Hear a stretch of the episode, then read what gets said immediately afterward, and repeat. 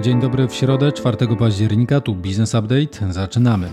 A u nas dziś m.in. zapowiada się kolejna obniżka stóp procentowych. Polska w czołówce krajów z największą liczbą kontroli skarbowych. Problemy USA i Wielkiej Brytanii z dostawą broni na Ukrainę. Business Update. Zacznij dzień z przewagą. Na początek podsumowanie rynków. We wtorek indeks WIG20 spadł o 48%, a WIG o 64%. Wczoraj wieczorem złoty osłabiał się względem dolara i euro. Kurs amerykańskiej waluty rósł do około 4 zł 43 groszy.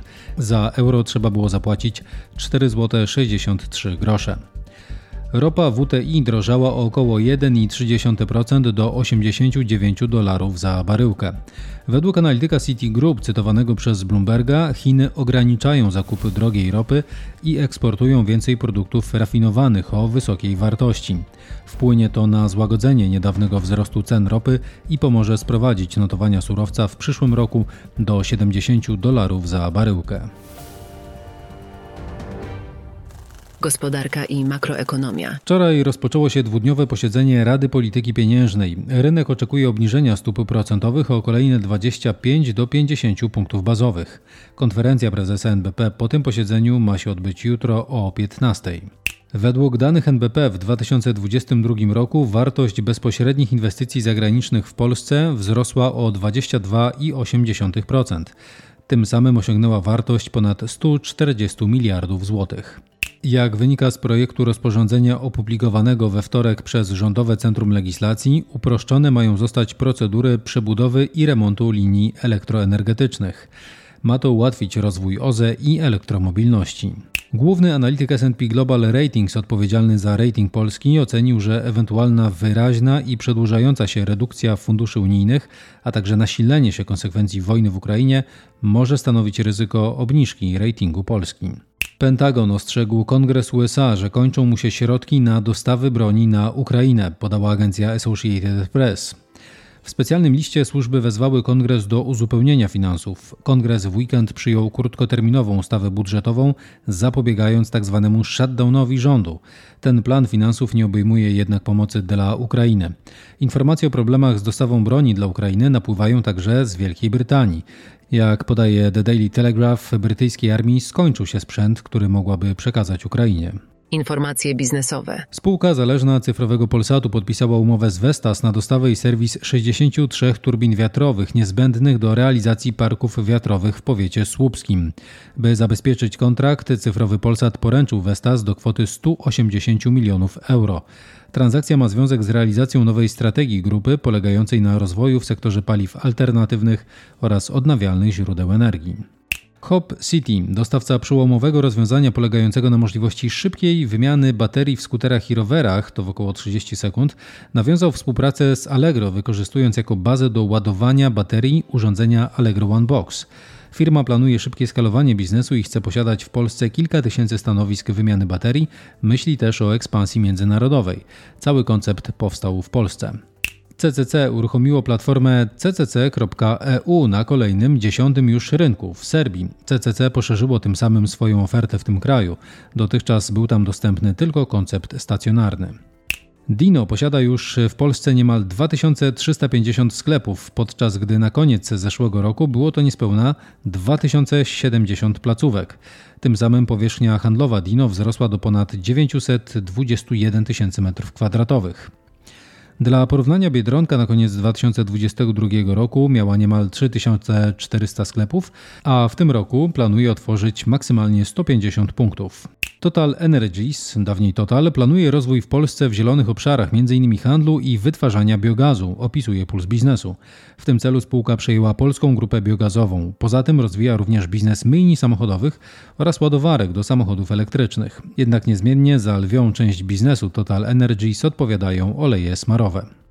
Skania zamyka zlokalizowaną w Słupsku fabrykę nadwozi autobusowych. Pracę straci około 700 osób z tysiąca tam zatrudnionych. Działalność będzie kontynuowała wytwórnia podwozi. Skania zapewni zwalnianym pracownikom pakiet socjalny, odprawy oraz dofinansowanie szkoleń i kursów. Mają się także odbyć specjalne targi pracy. Przedstawiciel JP Morgan, cytowany przez Bloomberg, prognozuje, że na skutek wykorzystania sztucznej inteligencji i powiązanego z nią wzrostu wydajności, a także jakości pracy oraz ogólnego rozwoju technologii, tydzień pracy może dla przyszłych pokoleń skrócić się do 3,5 dnia. Może to jednocześnie przyczynić się do zaniku niektórych miejsc pracy. Fuzje i przejęcia, inwestycje i venture capital. Huta Stalowa Wola odkupiła od chińskiej spółki Liu Gong cywilną część zakładów hutniczych, w której do tej pory produkowano maszyny budowlane. W ramach transakcji przejęto dwie hale produkcyjne oraz 574 pracowników. Zakład skupi się na produkcji sprzętu wojskowego. Tauron uzyskał finansowanie w wysokości 750 milionów złotych w ramach kredytu odnawialnego udzielonego przez BGK. Otrzymane środki zostaną przeznaczone na bieżącą działalność grupy, a termin spłaty wyznaczono na październik przyszłego roku. Niemiecka marka obuwia Premium Birkenstock, która jest wspierana przez firmę Caterton, celuje w pełni rozwodnioną wycenę na poziomie 10 miliardów dolarów w przypadku oczekiwanego IPO w USA. Spółka chce zebrać w ten sposób do ponad 1,5 miliarda dolarów. Prawo i podatki. Komisja Nadzoru Finansowego złożyła do prokuratury zawiadomienie o podejrzeniu popełnienia przestępstwa manipulacji w obrocie akcjami Yeti Force SA. Spółka jest notowana na rynku New Connect, działającym w ramach alternatywnego systemu obrotu prowadzonego przez GPW. Najwyższa Izba Kontroli skontrolowała zasady gospodarowania nieruchomościami w warszawskich dzielnicach Mokotów, Ochota i Śródmieście. NIK stwierdził m.in., że wystawianie lokali użytkowych do ponownego najmu następowało z dużym opóźnieniem oraz że nie podejmowano w terminie działań windykacyjnych w stosunku do najemców niepłacących czynszu. Prezes UOKiK w bieżącym roku wydał już 50 decyzji w sprawach zatorów płatniczych oraz ukarał przedsiębiorców z tego tytułu na kwotę w łącznej wysokości 33 milionów złotych. Według raportu OECD polska administracja skarbowa zajęła drugie miejsce na 58 państw pod względem największej liczby kontroli skarbowych i czynności sprawdzających. Dodatkowo w całym okresie od 2018 do 2021 roku Polska była liderem w zakresie postępowań przygotowawczych wszczynanych w sprawach przestępstw i wykroczeń skarbowych. O północy na granicy polsko-słowackiej przywrócono tymczasowe kontrole graniczne. Będą one prowadzone tylko na kierunku wjazdowym do Polski. Granicę będzie można przekroczyć tylko w wyznaczonych miejscach. Sąd Najwyższy wydał uchwałę, w której przesądził, że przedsiębiorca będący osobą prawną może domagać się zadośćuczynienia od osoby fizycznej, która zamieściła niekorzystną opinię w internecie i naruszyła przy tym dobro osobiste tego przedsiębiorcy, na przykład dobre imię firmy. Rząd USA nałożył pierwszą w historii karę za zaśmiecanie kosmosu. Firma Dish Network będzie musiała zapłacić 150 tysięcy dolarów za pozostawienie na orbicie okołoziemskiej satelity wystrzelonego ponad 20 lat temu. Dane i badania rynkowe. Z 84% usług polskich urzędów można skorzystać w formie online. Wynika z badania Capgemini. To wynik zbieżny ze średnią unijną, lecz niższy niż w przypadku np. Malty czy Estonii, które pozostają europejskimi liderami cyfryzacji urzędów. O 7% wzrosły w drugim kwartale tego roku ceny mieszkań w Polsce, wynika z danych GUS. Największy wzrost odnotowano na rynku pierwotnym. Średnia cena metra kwadratowego we wrześniu przekroczyła 16 tysięcy złotych w Warszawie i 15 tysięcy złotych w Krakowie o niemal 4 tysiące do dokładnie 14 682 wzrosła w pierwszej połowie tego roku liczba lokali mieszkalnych dostępnych w ramach najmu instytucjonalnego, wynika z raportu PWC Polska. W raportowanym okresie liczba takich mieszkań pozostających w budowie skurczyła się o 23%.